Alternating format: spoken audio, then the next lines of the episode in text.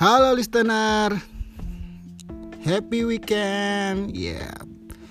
bagi yang kerja dari Senin sampai Jumat sih, malam ini nih malamnya dia lagi ngerencanain nih. Besok tuh Sabtu, Minggu, enaknya ke mana nih? Ya, secara kan besok Sabtu Minggu itu adalah hari weekendnya mereka. Tapi kalau kayak gue sih, Sabtu Minggu itu sih nggak ada artinya bahkan gue lupa kalau tanggalan-tanggalan merah itu kapan. Oh iya by the way besok tuh tanggal 25 ya? Uh, itu tuh kalau nggak salah gongsi facoy ya? Oh iya iya iya. Oke Bagi semua yang merayakan Gongsi Facoy Selamat Gongsi Facoy Ya moga-moga di tahun yang baru ini Semua itu bisa terlaksana lagi dengan lebih baik. Semoga bagi yang merayakan besok bisa happy happy dengan keluarga, family, teman dan segala ya kolega-koleganya lah ya. Ya ya gong sifat coy ya buat semua. Ya. Uh, tuh kayak gini aja nih, gue aja sampai lupa nih gue sebenarnya besok itu hari libur, tanggal merah dulu nih ya, zamannya gue masih kerja, gue dulu sempat kerja tuh, dia di kantor pemerintahan terus ya gue menanti nanti banget. Tanggal merah mana yang gue nggak inget? Pasti gue inget. Sabtu minggu gue inget banget. Wah ini dua hari lagi gue sabtu dua hari lagi gue ini wah. Dan itu gue cari-cari sampai tanggal kalau bisa tuh tanggal itu gue merahin karena gue butuh banget tanggal merah. Ya cuman setelah gue keluar dari kantor pemerintahan terus gue coba memulai dengan bisnis gue yang sekarang ya itu yang gerak di bidang uh, perencanaan konsultan dan konstruksi dan kontraktornya. Jadi Sabtu Minggu itu gue buat bukan buat gue leha-leha gue liburan enggak. Tapi Sabtu Minggu tuh biasanya gue kerja karena gue harus ketemu klien visit project sama klien. Terus atau misalkan dia butuh meeting pasti mereka meetingnya Sabtu Minggu karena kan hari biasa mereka kerja. Sabtu Minggu mereka punya free waktu yang free. Jadi ya udah Sabtu Minggu gue tuh gue pakai buat kerja. Ya begitulah ya. Bagi listener yang emang mau bergerak di bidang dunia arsitektur ya siap-siap deh. Kalau kita yang namanya Sabtu Minggu kita atau hari libur kita itu dipakai buat ketemu klien. Tapi ya terkadang ada juga sih orang yang nggak mau yang tetap dia bilang oh ya hari kerja saya Senin sampai sampai Jumat. Sabtu Minggu atau hari libur saya nggak mau ketemu klien. Ya ada itu semua tergantung kalian sih. Para arsitek-arsitek yang mereka punya idealisme sendiri lah. Tapi kalau gua sih masih ya namanya kita masih ngerintis pasti ya udah ekstra ekstra aja lah kalau udah urusan kayak gini-gini nih. Ketemu klien meeting di hari libur sampai kita lupa tanggal merah ya itulah udahlah. Itu udah makanan empuknya gue lah sekarang. Dan ya udah kita nikmatin. Oh iya ngomong-ngomong nih ya gue itu mau memperkenalkan diri gue nih. Gue itu uh, nama gue tuh Eko Prasetyo Caksono gue sih biasa dipanggil Eko. Biasa dipanggil Tio. Dan nama kecil gue dulu dipanggilnya Nono. Nah berhubung nama kecil gue Nono gue nggak mau dipanggil Nono karena dulu gue waktu masih kecil pernah gue diceng-cengin. Wah no no no no no no. Ya udah lo ngerti lah artinya apa. Dan itu kan membuat gue trauma kalau gue sebut nama Nono. Ya udah tapi gue dengan nama biasa ada orang yang manggil gue Eko ada yang biasa manggil gue Tio. Ya gue terima aja gue nengok. Ada yang manggil gue Eko gue nengok. Ada yang manggil gue Tio gue nengok. Asal jangan ada yang manggil gue Nono gue nggak akan nengok sama sekali ya enggak terus ke berhubungan dari nama nih itu ada ada kala ada waktunya sih kenapa gue dipanggil Eko kenapa gue dipanggil Tio. Jadi gue dipanggil Eko tuh dari kecil. Terus jadi kalau teman-teman gue waktu sekolah dulu tuh dari SD sampai SMA pasti manggil gue nama depan gue dong Eko. Tapi pas gue kuliah nih berhubung gue di kampus gue waktu itu gue kuliah di uh, Universitas Gajah Mada nih Jogja. Terus uh, di temen satu jurusan gue tuh di teknik arsitektur dan perencanaan tuh nama Eko tuh ada ya lumayan sih ya. Namanya kita tinggal di Jogja juga sih. Jadi nama Eko tuh ya nggak bisa dibilang wah nggak ada nih namanya Eko. Pasti ada. Karena kan Eko itu kan anak pertama. Kalau bahasa Jawanya tuh pertama. Jadi ya udah terimalah nasib gue dikasih nama Eko ya kan. Terus udah pernah lah sewaktu-waktu gue lagi ospek gitu terus di kampus gue terus tiba-tiba gue dipanggil nih sama teman-teman gue Eko Eko terus gue nengok terus yang lain pada nengok. Dia yang namanya Eko juga nih pada nengok gitu. Terus gue langsung males gitu. Aduh gue males nih kayak begini sekali dua kali tiga kali. Akhirnya gue bilang ke teman-teman gue gue memperkenalkan diri nama gue Eko Prasetyo Wicaksono tapi gue dipanggilnya Tio ya. Akhirnya gue memanggil nyebut nama gue sendiri tuh Tio. Ya satu biar kelihatan kerenan dikit lah. Terus satu lagi ya itu penyebabnya gara-gara gue sering ketukeran nama sama temen-temen gue yang namanya sama. Terus akhirnya ya udahlah gue dipanggilnya Tio. Semenjak itulah gue dipanggil Tio. Nah terus jadi kalau gue ada orang manggil gue Eko gue tahu nih ini temen gue dari kecil sampai temen gue ke kuliah. Setelah gue kuliah manggil ade eh, misalnya dia manggil gue Tio berarti ya udah dia teman gue setelah kuliah sampai ya sampai ya yang jelas dia teman gue di Jogja deh gitu. Dipanggilnya ya akhirnya gue dipanggil Tio tuh semenjak itu tapi sekarang sih gue terserah kalian sih mau manggil gue siapa. Yang pasti nama gue gue bangga nih dengan nama Eko. Karena baru sih gue bangga dengan nama Eko. Karena gue pas kemarin tuh beberapa waktu lalu gue sempet dengerin lagu terbarunya Coldplay. Judulnya Eko. Wah langsung dong gue posting tuh di Instagram gue wah saking bangganya gue dengan nama Eko. Gila gue bilang wah Eko nih ada nih. Akhirnya ada yang judul lagu judulnya Eko. Wah semenjak itu gue ya ya udahlah. Siapa juga manggil gue Eko juga ya udahlah nggak apa-apa gitu. Bahkan ya mungkin teman-teman gue akhirnya terbiasa karena ketukar. Oh iya itu si Eko yang bikin. Oh bukan Tio. Eko kali Tio bener. Oh gitu. Ya udah namanya siapa sih? Eko. Ya udah Eko aja deh gitu. Ya udahlah akhirnya gue terima dengan nama itu. Terus balik lagi nih kita ke topik yang di mana yang topik di gue bikin podcast ini bertujuan buat mengenalkan dunia arsitektur dan mungkin gue bisa sharing bisnis apa aja yang bisa kita lakuin dengan dalam dunia arsitektur. Atau arsitektur itu kan sebenarnya simpelnya gini. Menurut gue arsitektur itu adalah art art itu seni. Di mana seni itu ya lo bekerja buat lo berkarya seni gitu. Jadi bukannya yang lo sebagai arsitek ya udah lo kerja gambar drafter. Wah sempit banget tuh otaknya gitu loh. Jadi maksud gue kalau gue jadi arsitek itu ya gue saya kayak seniman. Gue pengen gue sejajar dengan ya seniman-seniman lainnya gitu loh entah itu musik entah itu dunia lukis karena ya mau nggak mau namanya art itu kan luas. Makanya gue di sini gue dalam podcast gue ini gue akan coba memasukkan beberapa unsur seni. Maksudnya uh, pembicara-pembicara gue tuh nggak semata-mata sebagai gue ngambil dari arsitek aja gitu. Tapi gue ngambil orang yang uh, berkompeten di dalam dunia kesenian. Ya mungkin ya kita nanti bisa sharing sama musisi-musisi uh, talk show with ya sama beberapa musisi lah yang mungkin mau ngobrol. Tapi tetap lah gue arahin itu uh, musisi yang emang ngerti dunia arsitektur.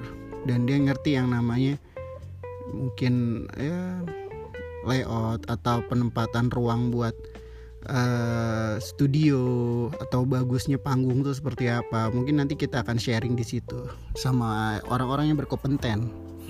Terus gue juga akan coba nih masuk dengan arsitek itu berbincang tentang arsitek itu bersama orang-orang yang pemilik bisnis-bisnis yang notabene mereka itu melihat uh, bisnis mereka itu nggak cuma sekedar gue mengcreate something terus menghasilkan something. Tapi uh, apa sih yang bisa mendukung gue untuk membuat something itu dan gue mendapatkan sesuatu yang gue harapin? Misalkan kayak contohnya gini deh. Gue mau bikin rumah makan. Kalau lo belajar rumah lo mau bikin rumah makan orang awam tuh pasti akan berpikiran cuman gini wah lo harus jadi kok lo harus jadi juru masak atau chef gitu. Terus lo harus bisa masak. Lo nggak bisa nggak boleh tuh kalau lo nggak bisa masak tuh lo jangan coba-coba bikin rumah makan. Nah sedangkan yang gue lihat sekarang nih apalagi dunianya udah zaman yang dunia Instra Instagramable itu tuh benar-benar tuh yang namanya uh, gue di saat ketemu klien mas gue mau bikin uh, rumah makan Sunda. Tolong desainin ya kalau gue uh, tidak berpikiran ke arah oke okay, bisnis arsitek itu adalah bisa membantu bisnis lo nih. Gue akan bikin bangunan biasa aja yang penting ke Sunda-Sundaan tapi gue tidak.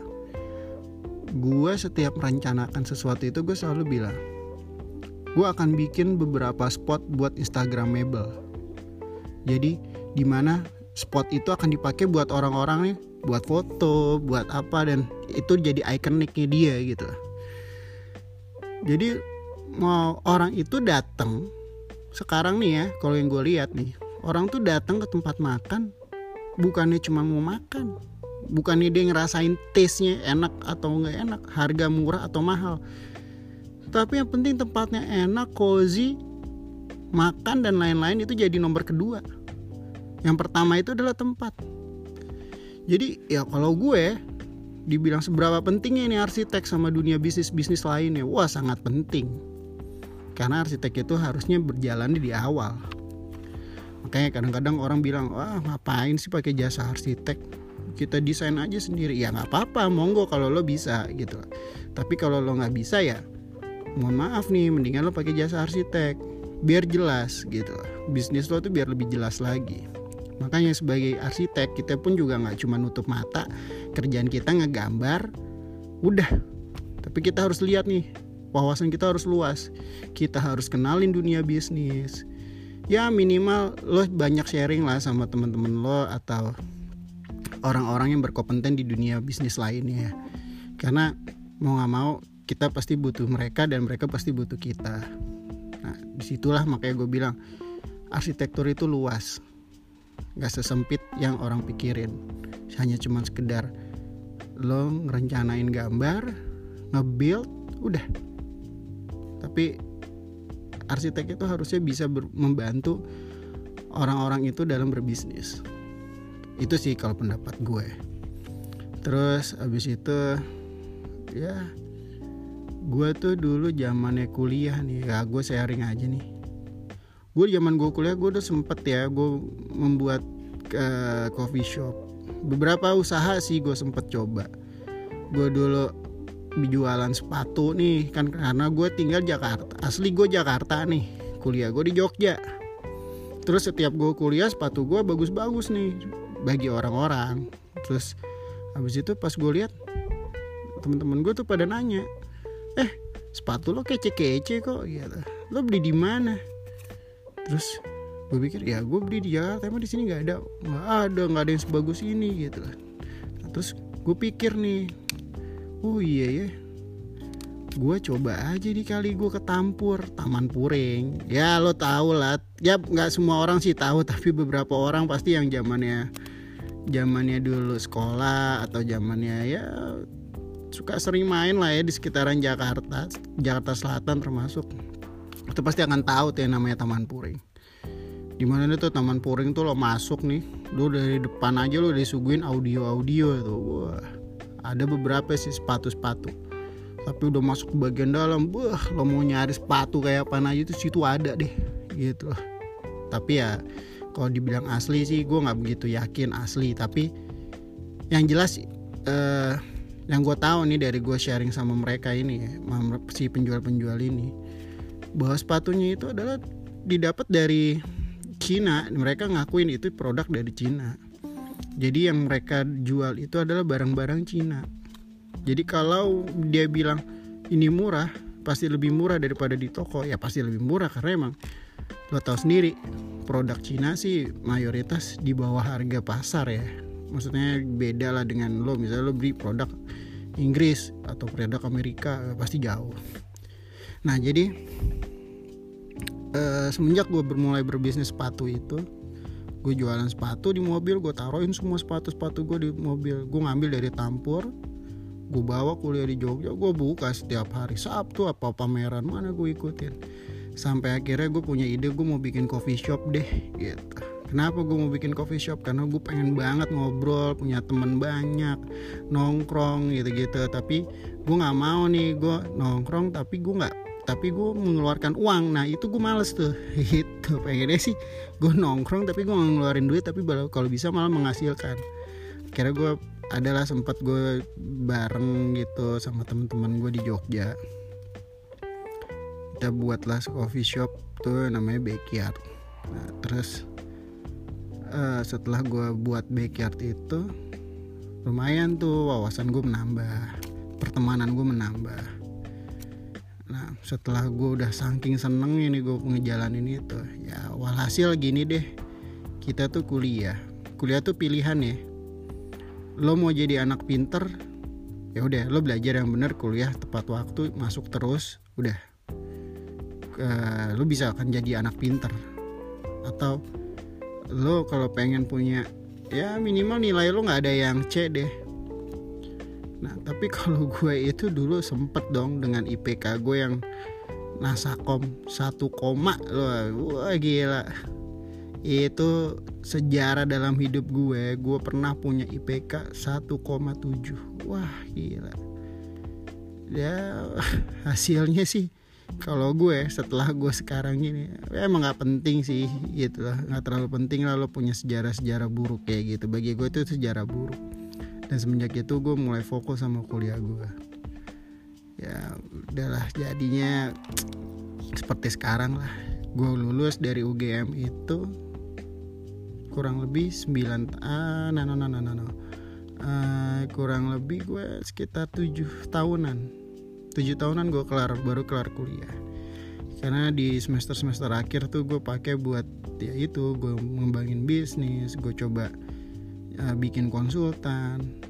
Nah dari situlah gue akhirnya mulai kenal dunia uang dan akhirnya gue lupa sama kuliah gue dan sampai akhirnya gue harus dibentak-bentak sama mama bapak gue tuh. Kok kuliah lo dong kelarin? Oh iya iya kok kuliah lo kelar? Sampai akhirnya bokap gue datang ke kampus cuma mau ngecek beneran gak sih? Nih anak gue masih kuliah di UGM ya udah. Akhirnya ke orang tua gue alasan? Iya alasannya kenapa nih? Eko nggak lulus lulus pak Eko tuh nilainya lumayan pak. Cuman ya gimana pak? Eko itu nggak pernah diselesain skripsinya gitu. Terus tugas akhirnya pernah dikelarin. Ya udah akhirnya bokap gue bilang sampai lu nggak lulus tahun ini atau lu pulang nggak bawa ijazah mendingan lu nggak usah ke rumah. Lo hidup aja langsung sendiri. Wah, akhirnya gue di situ gue langsung shock. Gue langsung ya udahlah gue mulai deh dengan berbisnis. Ya bisnis gue tuh gue stop. Sementara gue usaha usaha gue gue stop. Kira gue konsen ke kerjaan gue eh ke kuliahan gue perkuliahan gue sampai akhirnya alhamdulillah gue lulus 2010 tapi terganjal karena adanya waktu itu tuh 2010 akhir itu November gemp, uh, Merapi meletus. Merapi meletus sampai akhirnya gue harus di dalam memilih di antara dua pilihan. Lo lulus tanpa lo ikut wisuda tapi lo dapet ijazah. Atau lo mau lulus ada wisuda dan ada ijazah cuman gue jadinya kalau gue mau ngambil yang uh, langsung lulus 2010 akhir itu gue dapat jasa gue dapat gitu jasa gue gue dapat tapi gue nggak ada wisuda karena nggak ada seremoni karena waktu itu lagi berkabung tuh. Berkabung karena uh, merapi meletus. Terus kalau gue mau ikut wisuda ya lo ntar bulan Februari. Dan akhirnya gue ngelakuin itulah yang gue pilih. Gue mau wisuda. Kenapa gue mau wisuda? Gue cuma pengen foto tau lo? Gue cuma pengen foto. Ya gue pikir gini. Gila ya gue udah bela-belain lulus terus masa gue nggak ada seremoni dong? Ya, akhirnya udah. Gue coba dengan pilihan gue ya udahlah nggak apa-apa. Gue mundur deh uh, jasa gue jadi dicetaknya nanti bulan Februari. Dua terus bulan Februari ya nggak masalah gue bilang. Ya penting gue mau wisuda dan orang tua gue gue bawa ke uh, eh, gue suruh datang ke Jogja. Cuman gue ngeliat gue pakai toga. Nah udah itu aja deh. Ya mungkin itu ada banyak sih waktu itu yang kayak gitu juga. Dan akhirnya ada juga sih yang memilih ah gue cuma butuh jasa mereka lulus langsung kerja gitu. Kalau gue sih emang tujuan gue wah gue butuh seremoninya ini nih gitu. Makanya gue ya udahlah mundur aja nggak apa-apa deh gitu. Ya udah akhirnya gue lulus 2011 lah gue balik dari Jogja buat ke Jakarta. Nah semenjak dari 2011 itu gue akhirnya keterima masuk di sebuah perusahaan bukan perusahaan sih sebenarnya kementerian. Kementerian Pekerjaan Umum waktu itu gue sempat kerja di Kementerian Pekerjaan Umum. Terus ya udah gue berjalan nih waktu gue kerja maybe lima tahun hampir enam tahunan lah. Gue abis itu gue keluar ah lima tahun sorry. Lima tahun gue keluar dari PU terus gue coba yang namanya usaha sendiri nih sekarang yang sesuai dari apa yang gue pelajarin selama gue kuliah S1 dan S2 gue terus sampai akhirnya ya udah sampai sekarang nih gue gue bekerja di sebuah perusahaan yang gue bentuk sendiri. Usaha yang gue bentuk itu ya geraknya di bidang arsitektur desain konsultasi bahkan sampai build desain and build lah. Interior eksterior ya. Pokoknya yang berbau-bau sama arsitektur gue sikat gue habek deh aja. Bahasa betawi habek deh. Terus ya berjalannya waktu banyak sih ilmu-ilmu yang gue dapat dari gue keluar itu 2015 sampai sekarang. Dan akhirnya gue coba nih dengan pengalaman gue selama ini gue pengen nih sharing ke beberapa orang. Sharing ke semua ya semua orang lah gue pengennya tuh gue semua gue ajakin ngobrol. Tapi ya ternyata nggak semua orang juga mau gue ajakin ngobrol apalagi lama. Jadi ya udah gue pikir pikir pikir pikir. Gue udah tahu podcast ini sebenarnya udah lama tapi gue belum berani untuk melakukan podcast itu karena gue belum punya bahan-bahan dan dan gue belum punya konten-konten apa yang bisa gue lakuin dengan podcast itu. Sampai akhirnya gue 2020 kemarin masuk 2020 gue ngerasa kayak udah deh gue harus mulai berbagi gitu. Gue akan berbagi tentang ilmu gue yang gue tahu atau gue akan berbagi sama orang-orang yang mau berbagi sama orang lain gitu. Nah, akhirnya gue gue niatin nih sekarang nih dengan gue bikin podcast ini buat semua orang itu tahu bahwa dunia arsitektur itu tidak sekecil yang kita tahu. Nggak sesimpel itu tapi ternyata arsitektur itu tuh luas fungsinya itu luas. Itu nggak cuma hanya kita sekedar memikirin bagusnya bangunan, layaknya bangunan atau ya hanya sekedar bangunan menurut gue enggak. Tapi arsitek itu harus mikirin sampai ke dunia bisnisnya gitu. Jadi ya mulai sekarang sih gue mau coba nih sharing-sharing kepada listener nih. Sharing tentang dunia arsitektur dan yang lain-lainnya termasuk gue sudah menyiapkan beberapa pembicara-pembicara yang akan membantu gue dan menurut gue mudah-mudahan itu kompeten lah dengan kalian. Dan itu yang kalian butuhin semoga. Jadi gue udah udah posting sih gue di Instagram. Uh, Instagramnya audio uh, sorry arsitektur underscore podcast. Gue udah posting ada empat narasumber yang pengen gue pakai sementara untuk di awal-awal ini. Gue itu pakai namanya uh, Bully dipanggilnya Bully tapi nama aslinya Ruli. Itu dulunya dia seorang wartawan wartawan otomotif. Terus sampai akhirnya nggak tahu kenapa tuh mungkin dia kesurupan apa gimana gue nggak ngerti kerasukan apa gimana. Tiba-tiba dia ngobrol sama gue terus dia ngomong gue mau bikin ini nih uh, furniture karena emang dia suka banget sama barang-barang antik kursi-kursi antik kursi-kursi lama jati gitu. Terus gue mau main ini. Oh ya udah ayo sini. Bareng. Nah, awalnya gue dulu sempet bareng sama dia. Ya kita sharing-sharing gitu. Terus ya udah akhirnya menurut gue sekarang dia sih lebih sukses dibanding gue untuk masalah interior ya. Untuk masalah furniture sorry karena dia punya ya banyak lah yang bisa yang sudah followernya udah banyak banget. Dan dia uh, lumayan banget ya untuk berpengaruh atau enggak dunia Instagramable itu. Ya pengaruh sih menurut gue karena emang ya itulah yang kita harus kita kembangin. Ya kalau kita pengen berkembang ya kita liatin kondisi sekarang kalau kita tidak melirik sekarang kita berpikirin dulu dulu ya pasti kita nggak akan berkembang. Dan ya gitu-gitu aja gitu.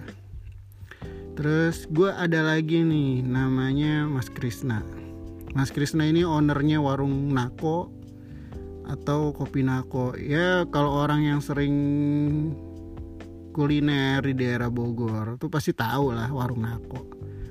Itu tempatnya lumayan oke okay menurut gue dan konsepnya sih gila nggak kepik ya out of the box lah untuk sebuah rumah makan warteg. Maksudnya sorry bukan warteg tapi ya eh, makanan-makanan rumah terus lo taruh di tempat bangunan yang segitu kecenya. Orang pasti mikir ngapain lo jualan makanan begini tapi bangunan kayak gini bagusnya? Tapi ternyata pengaruh sekarang sih dia udah punya cabang banyak banget Depok ya yang gue tahu lagi dia katanya mau buka lagi nih daerah BSD ya lumayan sih ya berkembang lah. Jadi gue di situ kenapa gue mau pakai dia uh, mau ngajakin dia sebagai teman ngobrol gue juga. Karena gue lihat uh, dia sangat berpengaruh loh. Ternyata bangunan atau konsep semua konsep sebuah rumah bangunan uh, dalam dalam bisnis rumah makan atau coffee shop. Nah, nanti boleh deh bagi yang suka-suka pengen nyoba-nyoba bisnis-bisnis tentang dunia coffee shop dan segala macam dan makanan. Nanti kita bisa dengerin tuh sharing gua sama Mas Krisna. Itu dia oke. Okay. Uh, itu dari sudut bisnis makanan dan ya makan eh, F&B lah terus ada lagi nih ada dua cewek lagi nih bah gila cewek-cewek ini sih kece-kece yang satu nih namanya Mbak Diana Mbak Diana itu senior gue waktu di UGM di arsitek. Terus abis itu gue kenal Mbak Diana udah dari zaman gue kuliah dulu. Nah, dari bandel lah cek. Maaf nih Mbak Diana nih bukannya kita cerita bandel ya buka aib nggak cuman yang jelas gue sama Mbak Diana tuh kenal dari zaman dulu sampai ya sampai alhamdulillah sampai sekarang gue masih silaturahim berjalan terus. Terus dia sekarang itu dosen sih di Universitas uh, Mercu Buana kalau nggak salah. Dosen arsitek di Mercu Buana Terus dia juga sebagai tenaga ahli di bidang arsitektur pariwisata. Jadi kalau lo pada nih yang tahu yang pada belum tahu arsitektur pariwisata tuh apa lah? Lo siapin deh tuh bahan-bahannya yang mau lo tanyain. Lo boleh deh tuh. Nanti gue coba kita bikin Q&A terus di Instagram gue jadi lo follow ya semua ya uh, arsitektur underscore podcast. Itu lo boleh deh ngasih DM kita pertanyaan apa yang pengen lo masukin di dalam topik-topik pembicaraan ntar gue sama beberapa narasumber gue terus ada lagi nih satu nih perempuan masih muda. Ya bagi yang jomblo-jomblo boleh lah di follow Instagramnya dia. Ya kali aja ada rezekinya ya kan. Jadi ada satu nih namanya Niki. Niki itu gue bilang termasuk sangat muda sih untuk dunia ya dunia di dunia konstruksi apa kontraktor dia sangat muda bagi gue dan dia perempuan itu gue salutnya sih dia di situ. Dia bisa ngelihat peluang apa sih yang gue mau lakuin setelah gue lulus kuliah. Nah terus dia coba untuk terjun di dunia yang sangat bikin pusing ini. Terus dia coba dan ya alhamdulillah mungkin dia sekarang udah berjalan dan beberapa proyeknya dia juga lumayan besar sih. Nah makanya nanti kita boleh lah tuh sharing-sharing. Makanya lo gini aja deh. Siapin aja dulu deh semua bahan-bahan pertanyaan apa yang kalian pengen ajuin sama uh, beberapa narasumber gue ini. Siapin nanti bisa DM atau ntar lo tunggu saatnya gue bikin Q&A buat mereka. Jadi lo lo masukin lah semua pertanyaan-pertanyaan lo di situ. Nanti biar mereka sendiri yang jawab. So uh, semoga nih ya dengan adanya gue bikin podcast ini semua teman-teman nih uh, sudah bisa nih punya wawasan bahwa butuh nggak sih gue arsitek? Gitu. penting nggak sih gue ngambil jurusan arsitek? Arsitek tuh nanti jadi apa ya? Atau uh, ya kita lihat lah ke depannya. Menurut gue arsitek itu dibilang kuliah mahal nggak mahal juga. Tapi kalau jelas yang jelas dulu gue belajar arsitek itu gue pakai meja belajar meja kerja meja gambar belum namanya multimedia itu masih belum disentuh. Ngegambar itu nggak boleh lo pakai penggaris. Terus ya udah akhirnya banyak cara lah yang bisa gue lakuin biar penting nilai gue aman. Jadi ya menurut gue sih untuk malam ini sih podcast gue yang pertama ini cukup sekian dan semoga kalian tertarik buat mendengarkan cerita-cerita podcast gue nanti yang lainnya apalagi yang gue mau bahas nih orang-orang yang emang menurut gue cukup cukup cukup bagus lah buat kalian untuk berdiskusi. Dan gue seneng sih ngobrol sama mereka berempat ini. Tapi next boleh sih kalau ada yang mau coba saranin lo pengen ngobrol sama siapa? Lo mau ngomong sama siapa? Ya udah silahkan nggak apa-apa lo sharing aja lo kasih aja nam uh, lo masukin aja ke DM uh, eh, arsitektur underscore podcast. Nanti coba kita pikirin atau kita coba diskusin sama si yang mau dijadiin ajak bicara. Mudah-mudahan mereka punya waktu dan mereka mau buat ngobrol-ngobrol santai tentang dunia perarsitekturan. Oke cukup sekian uh, podcast episode pertama gue selanjutnya kita tunggu nanti updatean gue dari Instagram. Instagram Audi apa arsitektur underscore underscore podcast. Lo pantengin aja deh lo liatin lo follow. Jangan lupa follow. Kalau perlu temen-temen lo suruh follow aja semua ya biar kita tuh bisa sharing-sharing makin banyak orang makin banyak yang bertanya makin semoga makin banyak juga orang yang langsung paham dan lebih mengerti dunia perarsitekturan. Oke, udah malam juga nih. Jadi selamat beristirahat ya. ya dan kemungkinan kayaknya gue akan ngepost uh, akan mengupload podcast gue itu di jadwal itu di hari Jumat.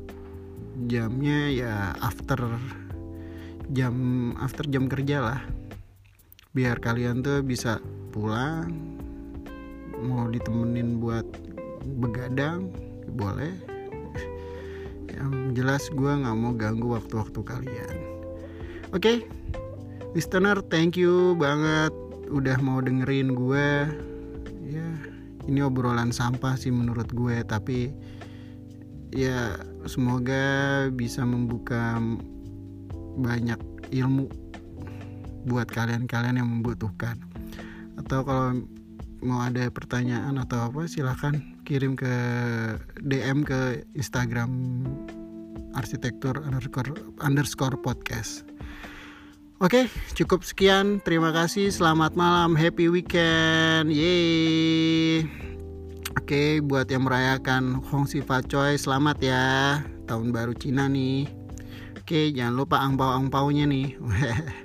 Oke, yuk, bye dah.